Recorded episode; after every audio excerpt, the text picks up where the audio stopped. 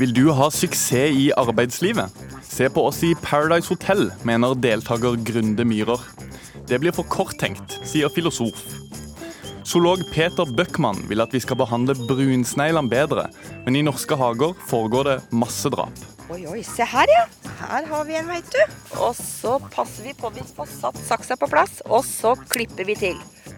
Og Ukeslutt har prata med én av bare tolv mennesker som har gått på månen. Hey, uh, hi, this is uh, astronaut Charlie Duke, uh, Apollo 16, uh, here in Trondheim. Velkommen til ukeslutt, hvor vi i dag også skal prøve å finne ut hva man egentlig skal tipse når man er på restaurant. Mitt navn er Daniel Eriksen. Vil du ha suksess på arbeidsmarkedet? Gjør som i Paradise Hotel. Det skrev danske Mathias Herup Nilsen på NRK Ytring denne uka. Nilsen er postdoktor i statsvitenskap ved Universitetet i Aalborg, og mener dagens arbeidssøkere kan lære noe av deltakerne i realityshowet Paradise Hotel. Vi i Ukeslutt tok en runde og spurte folk om hva som er Paradise-mentaliteten, og om det fungerer i arbeidslivet. At man må bare skubbe unna det andre, tenke på seg selv. Nei, for å komme opp og fram, så er det nok mange som i visse jobber da, eller visse bransjer at du lykkes da ved å skubbe alle andre unna. Altså, du ser disse veldig suksessfulle menneskene, sånn som Donald Trump. De er ofte, de har kjørt om veldig mange mennesker. For de er rasser, så det er litt sånn rassermentalitet. da. Men det er nesten det du må ha. Jeg er ganske enig i det. Jeg håper ikke det er sånn. Det, det, det, verste er at det sikkert er sånn. Det kommer jo helt an på hvilken, ja. eh, hvilket yrke man velger. Ja. Hva med sånne eh, advokater og de som jobber innenfor juss og De må jo kanskje kjempe litt mer om eh, å komme seg opp og fram. Men det er jo veldig viktig å være litt sånn frampå i egentlig alt. Ja, Hvis men du- samtidig ydmyk. Ja. Liksom, ja. By på seg sjæl, men ydmyk.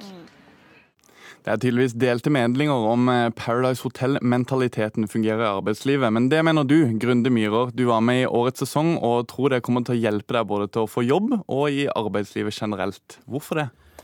Jeg mener at uh, altså måten, i hvert fall for min egen del, da, så veit jeg at uh, altså Paradise handler om å by på seg selv. Det handler om å kunne stå for den man er, og stå for det man gjør, og ja, på en måte tørre å ta sjanser. Uh, ja, ikke være så veldig A4. Og det er Og sånne ut. kvaliteter som er anvendelige i arbeidslivet? Ja, jeg tror det, altså det å stikke seg ut er jo selvfølgelig én ting i søknadsprosess og intervjuprosess. Og det å kunne på en måte by på seg selv, eh, være sosial, eh, kunne snakke med folk. Det er jo det hele Paradise handler om. Hva, hva mener du er de viktigste egenskapene man trenger på Paradise Hotel? Eh, det tror jeg er å kunne snakke for seg. Det å faktisk kunne mm, sitte i en diskusjon og kunne argumentere for hvorfor eventuelt det skal gå i ditt favør. Eh, Det tas avgjørelser inne på Paradise Hotel hele tiden. Eh, Altså det, du kan jo sammenligne med et businessmøte. da. Vi skal eh, liksom sitte og diskutere eventuelt i hvilke deler av selskapet som skal få de og de pengene, eller Altså det handler om å faktisk argumentere for hvorfor man eventuelt skal få den jobben, eller hvorfor du skal få de pengene. Altså det er Var det derfor du klarte deg så godt i Paradise Hotel? Ja, så nå røyk jeg ut tre ganger, da, så det er jo fint. Filosof og forsker på BI, Øyvind Kvalnes. Eh, Hva tenker du om den kronikken og det du hører her? Jeg syns kronikken er interessant og morsom, eh, men jeg tror konklusjonene i den er helt feil. Og det kan jeg eh, hente støtte for i forskning også, hvor man over hele verden egentlig har vært veldig nysgjerrig på hva er det som skal til for å lykkes i arbeidslivet, og hvem er det som lykkes. Eh, Og Det er bl.a. en amerikansk forsker som heter Adam Grant, som har holdt på med dette her i mange år, og som konkluderer med at eh, de som når lengst i arbeidslivet, det er de som stiller opp for andre. Og eh, han skiller mellom giere og taere. En som vil gi og støtte, er en som tenker 'hva kan jeg gjøre for deg', mens en taer er en som tenker 'hva kan du gjøre for meg'. Og han har data fra veldig mange organisasjoner, og, og det peker veldig entydig i retning av at det lønner seg å være en som kan samarbeide, og som stiller opp for andre, og som eh, Men hva har med, hva med å by på seg selv, da, som, som Grunde sier her? Er det, tror, tror du Grunde kommer til å være en eh, vinner i arbeidsmarkedet med, den, med en sånn holdning? Eh, Jeg tror det er en farlig holdning å gå inn i arbeidslivet med. Fordi eh, folk som jeg snakker med i store norske organisasjoner, de er på, jakt, på, på vakt mot de som først og fremst er ute etter å, å, å sikre seg for sin egen del. Eh, fordi de vet at uh, hvis de skal få skape et fellesskap som, som, får til ting sammen, så er de nødt til å ha folk som har samarbeidsevner, og som, uh, som deler og støtter. Men altså, jeg syns det er litt interessant at han snakker, om, han snakker om samarbeid, og det er litt sånn Hva er det faktisk Paradise handler om, da? Det handler faktisk om å samarbeide med en partner. Det handler om å samarbeide med en person, om å komme seg lengst mulig. Og, og, sett... og eventuelt lage allianser, faktisk og samarbeide der for å nå lengst mulig. Det for de som ikke har sett altfor mye på Paris Hotel, så kan det kanskje tenkes at det handler mye om å dolke hverandre i ryggen og alt mulig sånn. Stemmer ikke det? Um, det kan nok eh, stemme det, ja. Til Altså, selvfølgelig handler det Noen ganger så velger noen å dolke hverandre i ryggen. Og det, det skjer jo. Men samtidig så handler det like mye om faktisk det å stå sammen og samarbeide om et felles mål. Det, du kan ta eksempler fra årets sesong hvor folk ville ha ut en viss person, og gikk faktisk sammen og jobbet mot strømmen. Mot faktisk det som var majoriteten. Men dette tror jeg er en helt forskjellig virkelighet fra det man opplever på en arbeidsplass, hvor man skal prøve å få til ting sammen. Men Hva med et arbeidsmarked når man skal ut og konkurrere på en sånn uh... jeg, jeg tror erfarne folk som er vant til å rekruttere, de leter etter mennesker som uh, har samarbeidsevner. Og det er noe av det vi er opptatt av på BI også, at vi passer på at de som utdannes der, de får eh, med seg en evne til å, å samarbeide og gjøre ting i fellesskap. Eh, og, og jeg tror eh, Norge er et samfunn med veldig høyt tillitsnivå. Så jeg kan snu ryggen til dem jeg jobber sammen med, uten at jeg frykter at de kommer til å dolke meg i ryggen.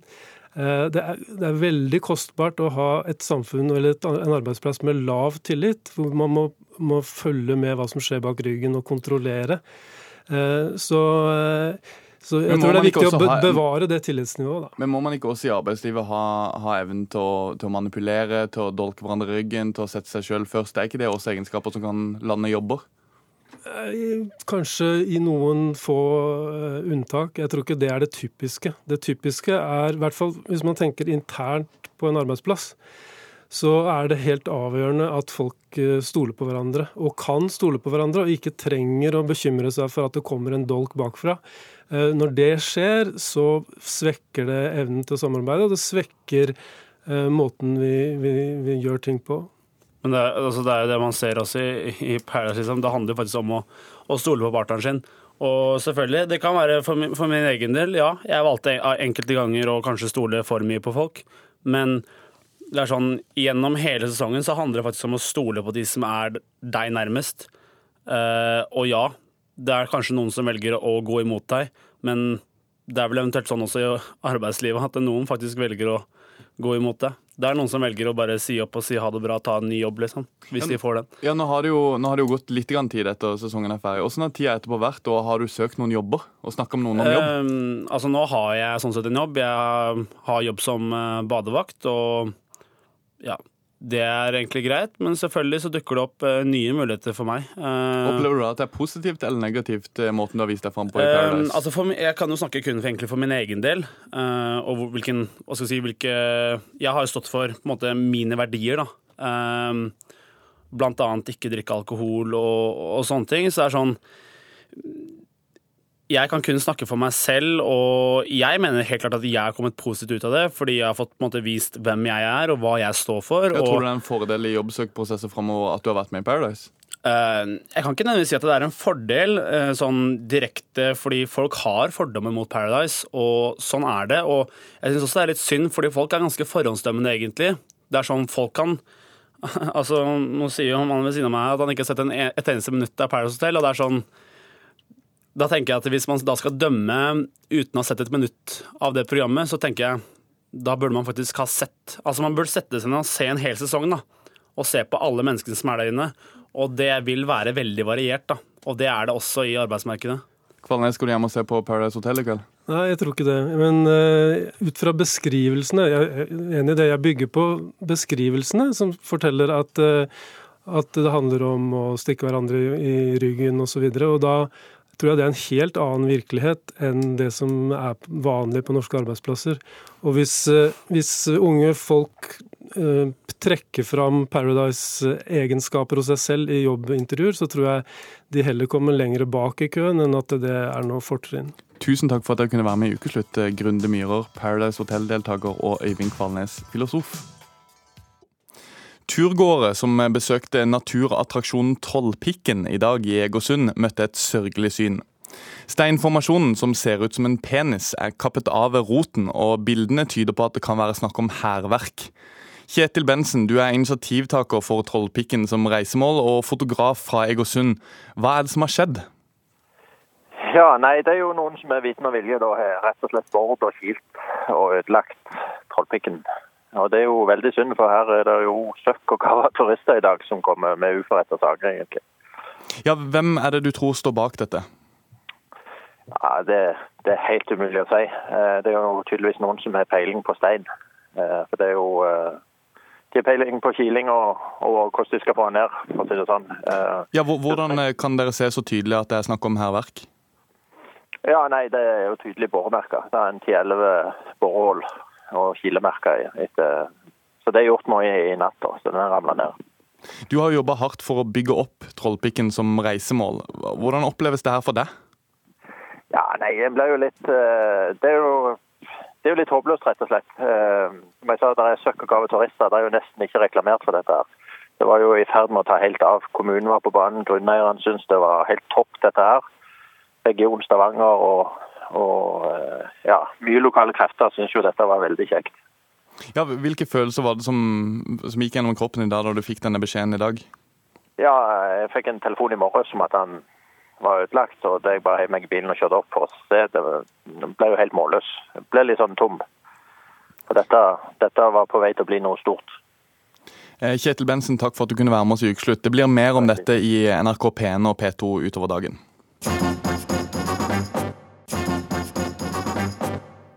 På 1990-tallet kom brunsneglen til Norge som blindpassasjer fra Sør-Europa. Og den er ennå, til tross for stor, eh, til, til stor forargelse for hageeiere over hele landet, som hvert år kjemper en tilsynelatende håpløs kamp mot den brune, slimete gjesten. Metodene er mange og til dels brutale, men er det et helt følelsesløst dyr vi dreper? Reporter Åsa Vartdal kasta seg inn i krigen mellom menneske og snegl. Nå har jeg gjort meg klar med hansker på henda og saks. Nå skal vi på sneglejakt. Hun har mord i blikket og den røde saksen hevet. Skal vi se om ikke vi har funnet en luring til her. Nei, det er bare løp. I hagen rundt det grønne huset i Flateby Akershus har krigen mellom Gitte Pettersen og brunsneglene pågått i flere år. Og den er langt fra over. Det å plutselig få besøk i hagen sin og på bakken rundt hvor det går, overalt, av disse ekle, slimete, seige, ikke hyggelige vesen dem vil vi ikke ha her. Så da gjør vi det vi kan ved å bli kvitt dem, og det er bl.a. å klippe dem i to. Der er lyden av mordervåpenet mitt. Hun står ikke alene. Flateby Vel, Hagelaget i Enebakk og Enebakk kommune har sluttet rekkene og startet Operasjon brunsnegle. De deler bl.a. ut åte som gjør at sneglene dør og begynner å spise hverandre. En av flere kreative metoder folk over hele landet bruker i kampen mot sneglen. Andre er gift, sneglespisende gjess, salt, syre, nedfrysing,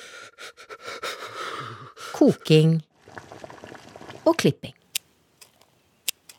Sånn som når jeg gikk og plukket i fjor, så gikk jeg sammen med barnebarna mine, og jeg tror ikke jeg lyver hvis jeg sier at vi var oppe bortimot, hvis vi orka plukke, morgen og kveld, så var vi oppe en 200-400 snegler hver dag. Da kan vi da prøve å, sjekke dette her. Da tar vi et blad, passeblad. Dette f.eks. Dette er lyden av en mann som later som om han er en snegle. Ja, tre ganger ja. Oi, ja, det var ikke noe godt. Zoolog Petter Bøckmann har selv sneglefest i nabolaget på Hellerud i Oslo, men har ingen planer om å bli med i krigen. Sett heller ut planter som sneglene ikke liker, er hans oppfordring. Det du liksom kan putte i munnen og lage grauta i løpet av en tre-fire tygg, det klarer snegla å lage grauta. av. Det du ikke får hørt på med å tygge, eller som smaker for kraftig, for vondt og for bittert, det smaker for vondt og kraftig og bittert for snegla også. Nå skal vi bare rett rundt hjørnet borti skauen her, eh, skogkanten. Der er det Der har vi ganske mye snegl. Brunsneglen er veldig lett å se når, når den farter. Der! Der har vi den, vet du. Sånn. Kom med til far. Nei, å, så fin, så. Der. Det er typisk brunsnegl. Dette, er- dette er av den brune sorten. Den er sånn nærmest kanelbrun. Her ser du klassisk forsvarspositur. eh. Da huker den seg sammen så godt han kan for å ha minst mulig overflate eksponert ut mot verden. Altså Den prøver å lage seg til en ball. Dyrevennen har liten sans for massedrapene som foregår over hele landet på denne tiden. Men hvordan vet du at den eh, lille saken her har følelser? Ja, Det kommer an på hva slags følelse du snakker om. Den er helt sikkert sulten. Den er helt sikkert redd. Den er helt sikkert sprengkåt når paringstida kommer. Eh, Den eh, kjenner at ting gjør vondt osv. Men om den har hva skal si, mer eksistensielle følelser og, og mm, meninger om fargen på tapeten og en del sånne ting, det tviler jeg kanskje på. Men det hindrer jo ikke at den helt sikkert er redd når den er redd, og at det gjør vondt når det er vondt. Si, der kommer den fram. Titt hei. Fire små øyne. Kikker den ut og lurer på hva du driver med. Og det som er litt trist å se, det er at fordi brunsneglen er, er ikke noe pen. Den har ikke noe altså, Jeg syns den er pen, men den, den er for folk flest ganske stygg. Den har ikke noen åpenbar mimikk, den har ikke noe søte øyne å bite seg merke i. Og så er den en plage. Så tillater folk seg de mest forferdelige ting med brunsel. De gjør ting med brunsel som de aldri ville utsatt andre dyr for. Det er ingen som ville drept en mus med å klippe den i to og la den ligge og sparke fra seg. Ingen som ville drept en mus med å helle syre på den eller la den bade i salt eller et eller annet sånt noe. En av mus kan for så vidt være plagsomme, de òg, men de er pattedyr. De har søte små museøyne, og vi har en forståelse av at det skal vi ikke gjøre med dyr. Men brunsnegl ser ikke ut til at folk helt skjønner at også får vondt. Du har ikke planer om å drepe denne nå, eller? Nei, det er ikke noe grunn til å drepe den heller. Det gjør ingen skade for tredd. Så sånn, der er denne bra. Skal vi se da om vi klarer å finne noen flere snegler her. I Flateby har Gitte Pettersen ingen planer om å legge ned våtene og la sneglene leve. Oi, oi, se her, ja. Her har vi en, veit du. Da er det bare å rote seg frem til vi finner den. Og så passer vi på at vi får satt saksa på plass, og så klipper vi til. Og vi klipper. Og jeg klipper til jeg er helt sikker på at jeg har fått delt den i såpass god porsjon oppdelt at det ikke er noe mulighet for at han skal ligge og lide. Hun vil ikke at den skal ha det mer vondt enn nødvendig, og har gått bort fra seigpining som salt og salmiakk. Men død skal den. Jeg syns jo ikke synd på alle disse brunsneglene som går den sikre død i møte.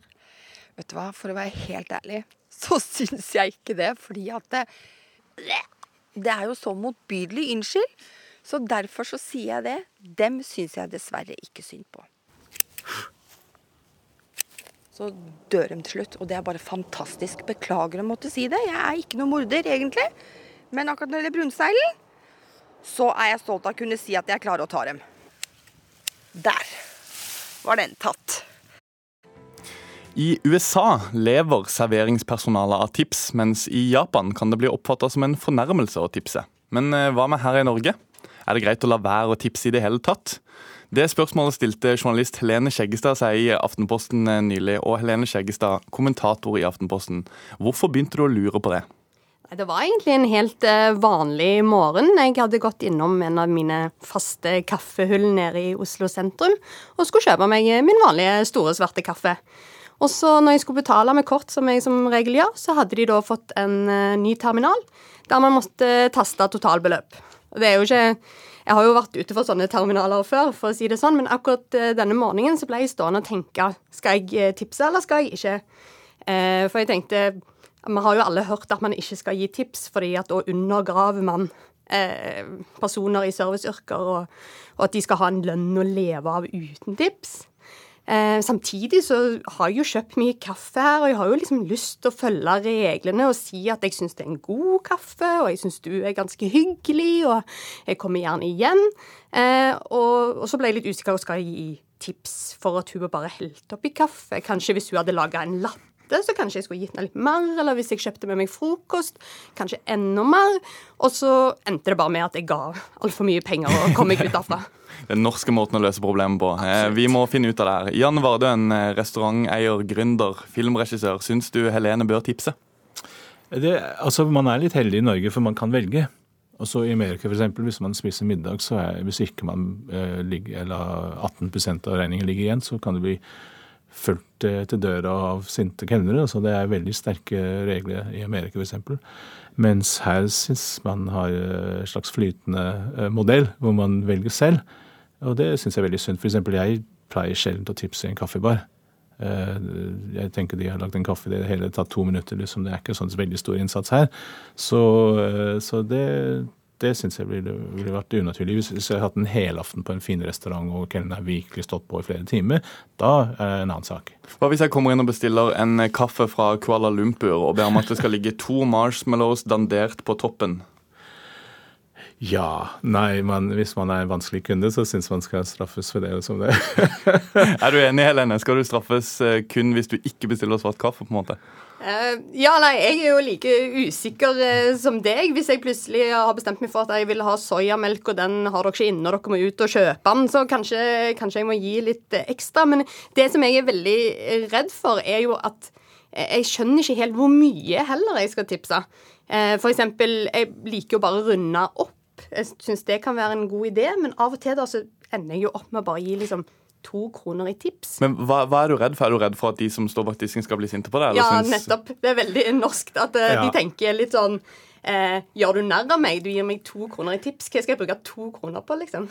Jeg, jeg, har jobbet i bransjen nå i, siden jeg var 16, så det blir i veldig mange år. Eh, og jeg har også jobbet som kelner og bartender og sånn, så jeg har levd, levd, på tips, og det har reddet meg eh, ganske i mange situasjoner. Men det er veldig sjeldent man tenke noe negativt om kunden uh, etter hvor de tipser. Liksom, med mindre man f.eks. hvis man har hatt en lang aften med, med en, et spandabelt bord, eller et bord som bruker veldig mye penger, og ikke legger noe tips inn, der føler man at de har vært kjipe. Så. Men akkurat en sånn liten transaksjon med en drink eller en kaffe, sånn, så, så, så går man ikke rundt og tenker det. Men det som er med tips, er at det er ikke noe tvunget her, men det er en del av den sosiale omgangen vi har i vårt daglige liv. Um, og vi vi har ikke tjenestefolk lenger, men vi har veldig mange folk som gjør ting for oss. Og det er ikke bare i restaurantbransjen? Nei, det er som frisør, drosjesjåfører og, og særlig altså for eksempel Hvis jeg er på hotell, så liker jeg å legge noe penger på, på, på nattbordet til eh, dem som rydder. Det synes jeg Gjør du det, Helene? Ja, eller særlig hvis jeg er utenlands og har masse mynter. Eller hvis ja. jeg har mynter generelt sett, så vil jeg helst kvitte meg med de fortest mulig. Jeg, jeg tenker at, at, tipsing er en form for oppmerksomhet, og det er ikke en plikt. Liksom, eh, hvis man eh, lever i den moderne verden og skal, skal, ta hensyn til de som er rundt seg, og ta vare på dem og gi uttrykk for at man uh, liker det de gjør, så kan man gjøre det med penger, og det kan være en, det nettopp det er en liten oppmerksomhet.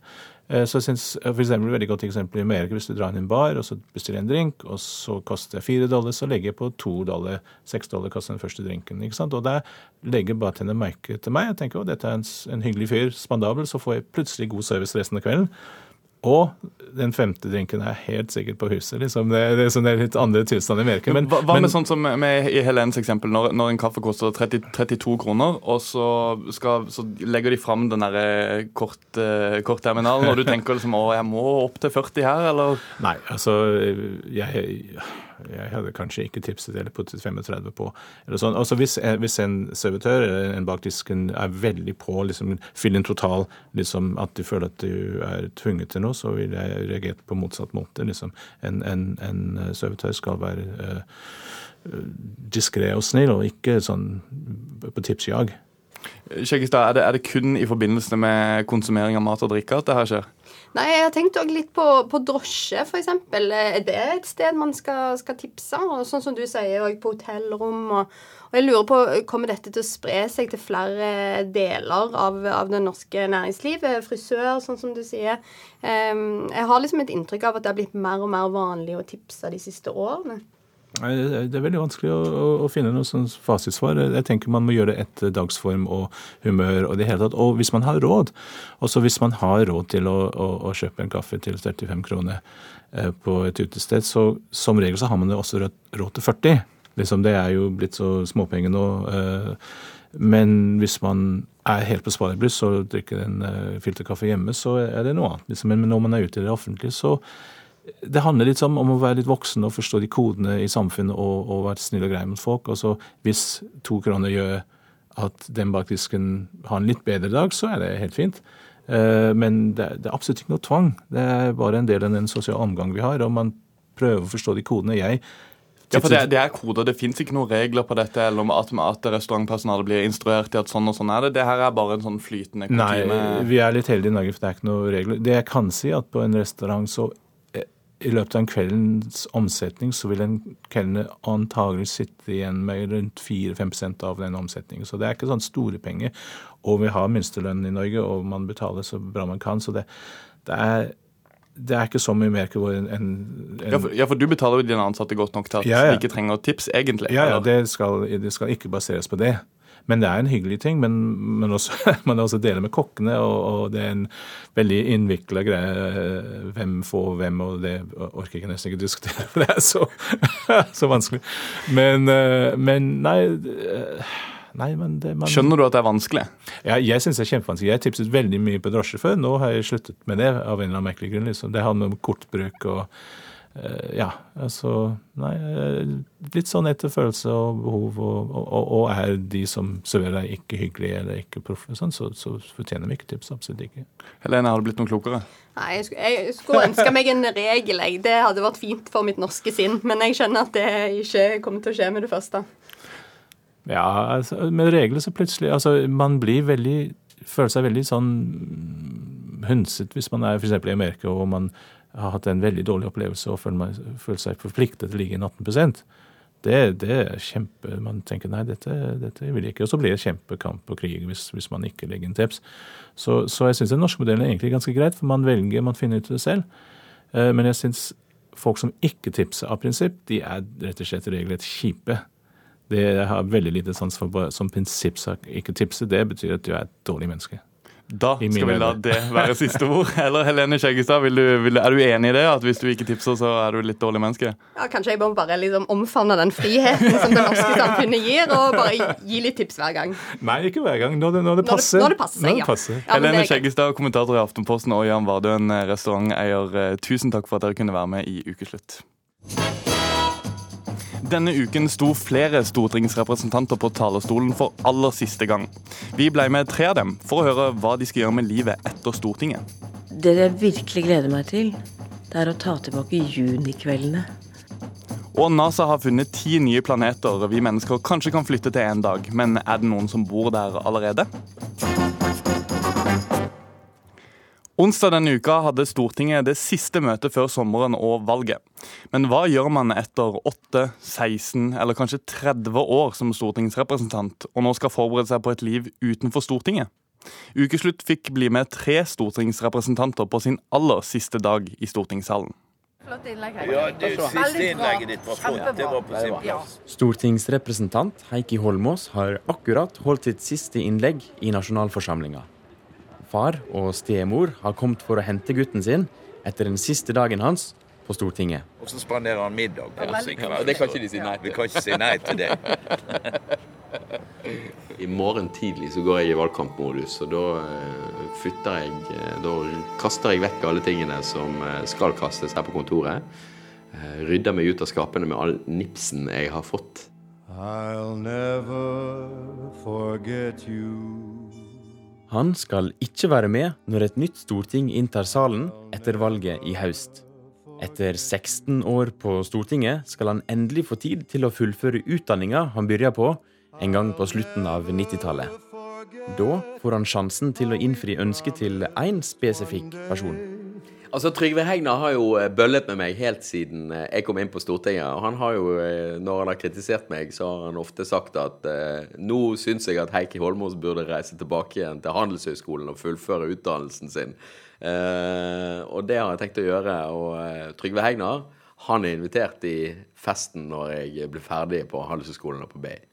Holmås tar nå avskjed med alle krikene og krokene i stortingsbygget, og han har hatt mye moro på Gymrommet. Jeg husker jeg spilte fotball. Eh, hadde knallharde taklinger med Sylvi Listhaug og Øyvind Korsberg fra Fremskrittspartiet Ola Gunnar Ballo taklet Hallgeir Langeland så hardt at han stanget hodet inn i mursteinen og eh, begynte å blø. Og, og eh, Ola Gunnar Ballo var nødt for å stikke og hente legeskrinet sitt for å sy pannen hans med en gang, og deretter tilbake på banen for å spille mer fotball.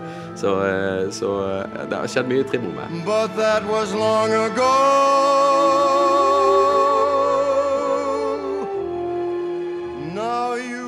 Nå takker jeg for meg og overlater denne plassen her nå til Olemic Thommessen. Det er siste gang jeg er her. Etter 31 år på Stortinget var det tid for Marit Nybakk sin siste dag i stortingssalen. Nybakk er den lengstsittende kvinnelige stortingsrepresentanten i Norge sin historie.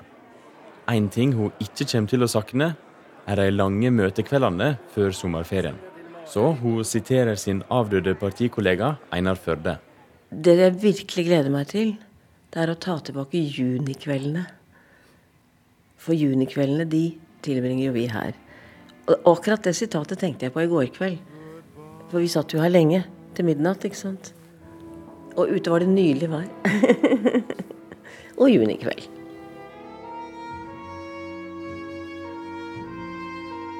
Ingebjørg Godskesen sine åtte år som Frp-representant enda i en krangel om regionreforma. Tirsdag denne veka meldte Godskesen seg ut av partiet, så hun tar farvel med Stortinget som en uavhengig representant de siste to dagene. I morges så hadde jeg mitt eget lille gruppemøte med oss eh, som har meldt oss ut av partiet og som er alene. Det var jo bare meg, da, selvfølgelig. Etter en litt ensom slutt på de åtte åra hun har hatt i folkets tjeneste, skal hun til høsten bruke tida si på noen litt mindre hektiske aktiviteter. Jeg har også tidligere lagd, hatt mye kurser for Husmorlaget. Jeg strikker. Jeg lager brød og mat i sånne gammeldags bakerovner som du må fyre opp med ved. Jeg lager dukker, og så baker jeg lefser. Liksom helt topp prioritet for meg sjøl. I sommer er det valgkamp, men studenten, pensjonisten og håndarbeideren skal ikke tilbake igjen på Stortinget sin talerstol. Dermed er dagens kart ferdigbehandlet, og jeg erklærer med dette det 161. storting for avsluttet.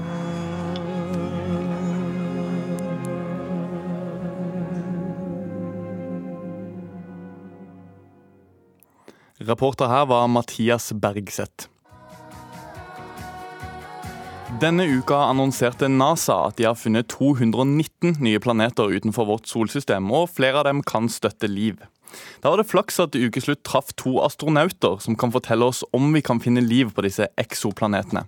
En av dem har til og med gått på månen. Hey, uh, hi, uh, astronaut Charlie Duke, uh, Apollo 16 uh, here Trondheim. Dette er Charles Duke. Han gikk på månen i 1972. Denne uken fortalte NASA om over 200 nyoppdagede planeter utenfor vårt solsystem. Og ukeslutt spurte Duke hva han tror om muligheten for liv der. Det kan være liv, men vi vet ikke. Vi har sett disse eksoplanetene, som har et potensial, og jeg synes vi må utforske muligheten for det.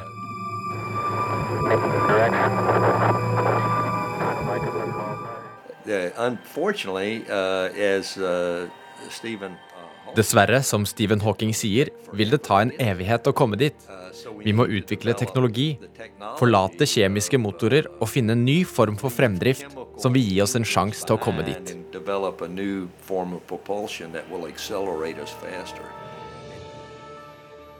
Christer Fuglesang er norsk-svensk og den eneste skandinaviske astronauten. Han er enda mer optimistisk og tror vi kommer til å oppdage liv om ikke mange år.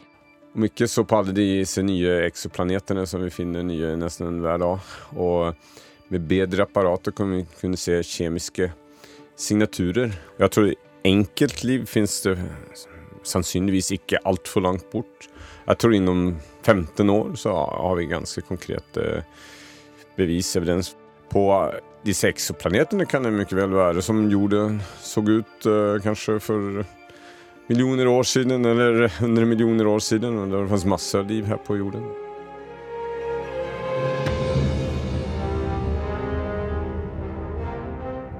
Der hørte vi altså Skandinavias eneste astronaut, Christer Fuglesang, og Charlie Duke, som er en av tolv mennesker som har gått på månen. Det var Viggo Valle som intervjua Christer Fuglesang, og Erlend Lånke Solbu som intervjua Charlie Duke. Men nå sitter jeg her med to eksperter som smiler veldig pent til meg. Pål Brekke hos eh, Norsk Romsenter og Halvard Sandberg, journalist her i NRK. Du skriver mye om eh, astronomi, eller ekte utenriks, som jeg har hørt deg kalle det før. Får dere litt gåsehud av å høre Charlie Duke prate? Jeg får alltid gåsehud av å høre eh, stemmen til et menneske som har vært på månen, som har gått på månen, nesten uansett hva de sier. De kunne lest fra telefonboken. Jeg hører stemmen til et menneske som har vært på månen, og for meg så virker det nesten utrolig at det har vært mennesker som har gått på månen. Pål Brekke hos Norsk Romsenter, deler du entusiasmen? Ja, absolutt. Eh, jeg var heldig for å høre på alle tre. Det var jo tre stykker som var på scenen samtidig, selv om Buzz Aldrin var Ja, på denne Starmus-festivalen altså i Trondheim. Ja, og, og, sitte og høre de småpludre om uh, hvordan det var å komme dit, og, og de farene de opplevde. og uh, De landet 17 sekunder, de hadde bare 17 sekunder igjen med drivstoff fordi at Neil Armstrong tøyde strikken veldig langt. men Det var helt fantastisk å høre hvordan de snakket om ting, og hvordan de opplevde det, og, hva de syntes var det mest fantastiske med det, det må jeg si. Denne uka hadde jo NASA pressekonferanse der de har funnet noen nye planeter. Eh, ti av dem kan være omtrent like store og ha samme temperatur som jorda, skriver The Guardian. Før vi snakker om hva eh, dere tror befinner seg der, hvor langt er vi unna å kunne dra dit? Du mener vi mennesker? Vi mennesker, ja. Det tror jeg kanskje aldri vil skje. Hvorfor ikke? Nei, Det er en teknologisk utfordring som eh, virker nesten uoverkommelig. Bare ideen av å skulle reise interstellart rom for mennesker er eh, Nei. Det, det, det, hva, med, hva, med, roboter, da? Som, uh... Roboter, selvfølgelig. Er, planen er jo klar nå for å sende roboter der. Men altså, mennesker en gang, altså uendelighet, altså lang tid. altså Hvis du tenker tusen, flere tusen år fremover i tid, jo, kanskje vi sender mennesker av gårde i nær lyshastighet til noen stjerner. Men det, er, det virker nærmest uoverkommelig, den energien som skal til for oss å akselerere et menneske med et støttesystem til nær lyshastighet.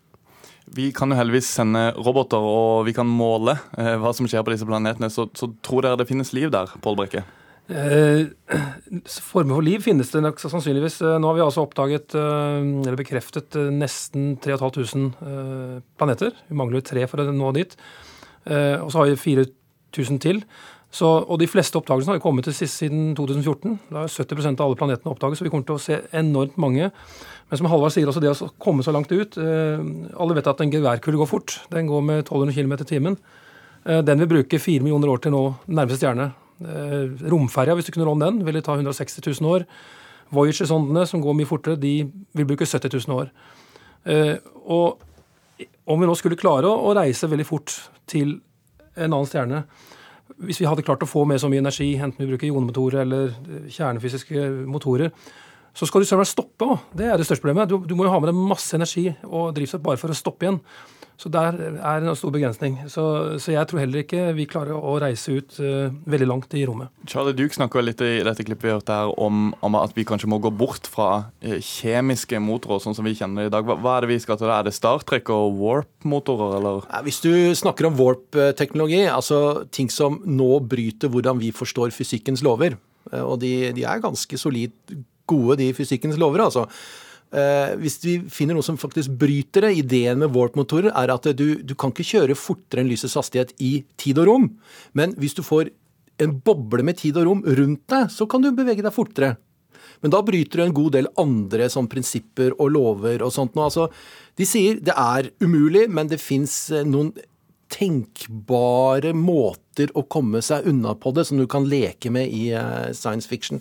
Men hvis du nå skulle bruke eh, antimaterie, er ikke omtrent det det beste vi kan eh, få til? Da kan vi få en eksoshastighet som gjør at jo, vi kunne akselerere mot lyshastigheten. Det er tenkbart at du kan greie å gjøre det. Men så er det som det Pål sier, at du skal stoppe.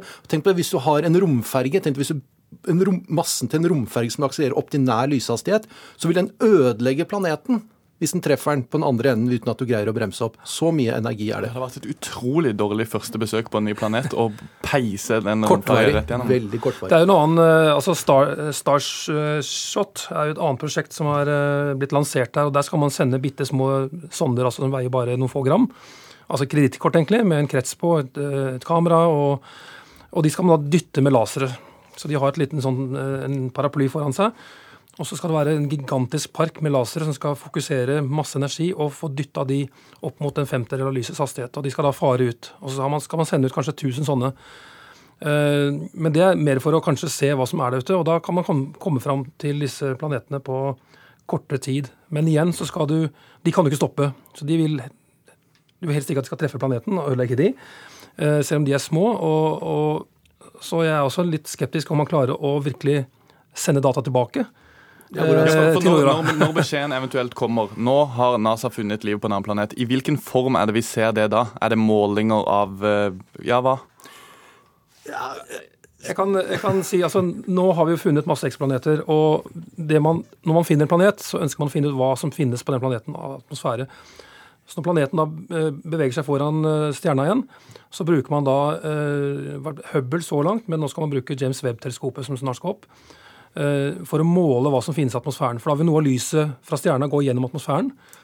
Og da vil den legge igjen noen signaturer kan du si, i lyset, sånn at vi ser noen absorpsjonslinjer som da er bestemt av hvilke stoffer som finnes der. Da kan man finne ut om det er metan, vanndamp eller hva som helst. Og med James Webb så skal den også observere det kaller infrarød delen av spekteret. Og der ligger mange av de eh, spektrallinjene fra molekyler og, og, og slike ting. Og det er helst molekyler man ønsker å finne. da. Og hvis man finner ut at det f.eks. kan være vann i atmosfæren, at det regner her, så, så er det klart ja, for, det, for det er stoffene på planeten som da er egentlig ganske avslørende om hvordan denne planeten ja. ser ut, hva som befinner seg der, om det kan være liv der og alt mulig. Ja. Et liv også vil også, Hvis det er liv, som, som på jorda, så vil de ha en, en industriell aktivitet som også gir seg utslag i atmosfæren. Så en industriell eh, sivilisasjon, eh, hvis den er i nærheten av oss, så vil vi kunne se den, og det er ganske raskt. Det, det av instrumentet snart sier at hvis det er noen som ligner på oss, så vil vi se all avfallet vi har puttet ut i atmosfæren, som er unikt for teknologisk illustrasjon. Hvis det bare er massevis av kurer eller mikrober der, så vil man etter hvert kunne få nok bevis på at eh, jo, det er høy sannsynlighet for at det er liv der, men sikker kan du ikke være. Du har en haug med forskere som vil sitte til sin dødsdag men si at det stemmer ikke, mens resten av vitenskapen mener at det er det. Så eh, få det bevist kan du ikke gjøre før du faktisk er der. Vi har ikke altfor mye tid igjen, men vi kommer ikke unna i denne diskusjonen her å snakke om det som kalles Fermis paradoks. Altså at hvis utenomjordisk eh, intelligent eh, industrielt liv eh, eksisterer, så burde de ha kontakta oss allerede. Hvor står dere i dette paradokset her?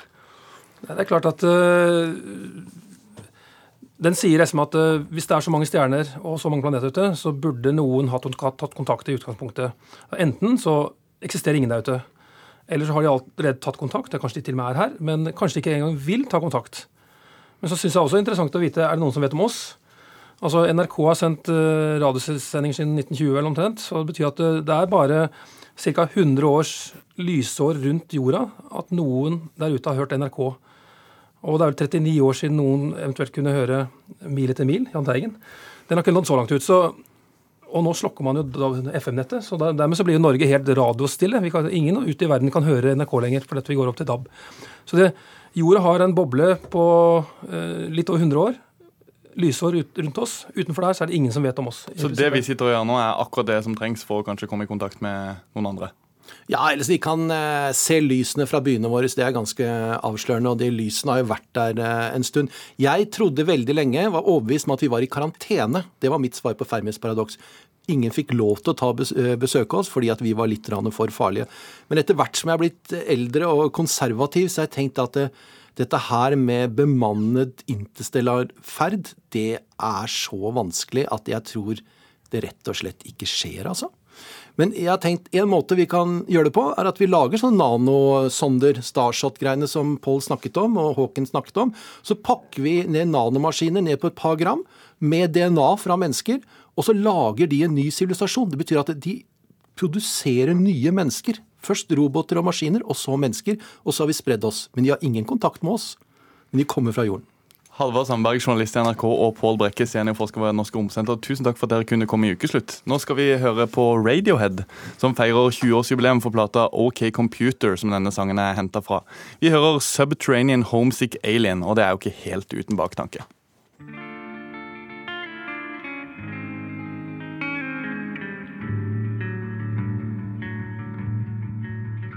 Men eh, nå er det vær, og meteorolog Rafael Escobar Løvdahl, blir det noe vær? Om det blir vær, ja. Det gjør det. Og det var jo et vær også i går. Det var sankthans, så det var jo noen i nord da, som var veldig heldige, og noen i sør som var kanskje mindre heldige. Men feiring ble det uansett. Men eh, det blir en endring nordpå nå. Det gjør det. Eh, lengst nå blir det ikke de store endringene. Hvis vi starter på Spitsbergen, her vil det nok være en skiftende bris fortsatt, og delvis skyet, men mulighet for noe tåke innimellom. I Nord-Norge så er det opphold i Troms, men regnet som er i Nordland, det trekker nordover til Troms, også Vest-Finnmark om kvelden. I Øst-Finnmark vil det være enkelte regnbyger. På søndagen da skyr det til over det hele, og det vil være perioder med regn. Og det øker på nå til en østlig frisk bris i Finnmark, ellers er det nordøst frisk bris langs kysten. I Trøndelag bygevær stort sett sør for Trondheimsfjorden, og det kan være torden. Sør-vest frisk bris på kysten. I morgen av mer skiftende retning og fortsatt noen byger, og nå kan det være noe solgløtt imellom bygene og litt mindre fart i de, men om kvelden tar det seg nok opp igjen på nordavind. Vestlandet, her blir det mye vind i morgen, øker på til en sørvest stiv kuling langs kysten der, og det blir bygevær nå fremover, så både vind og, og byger.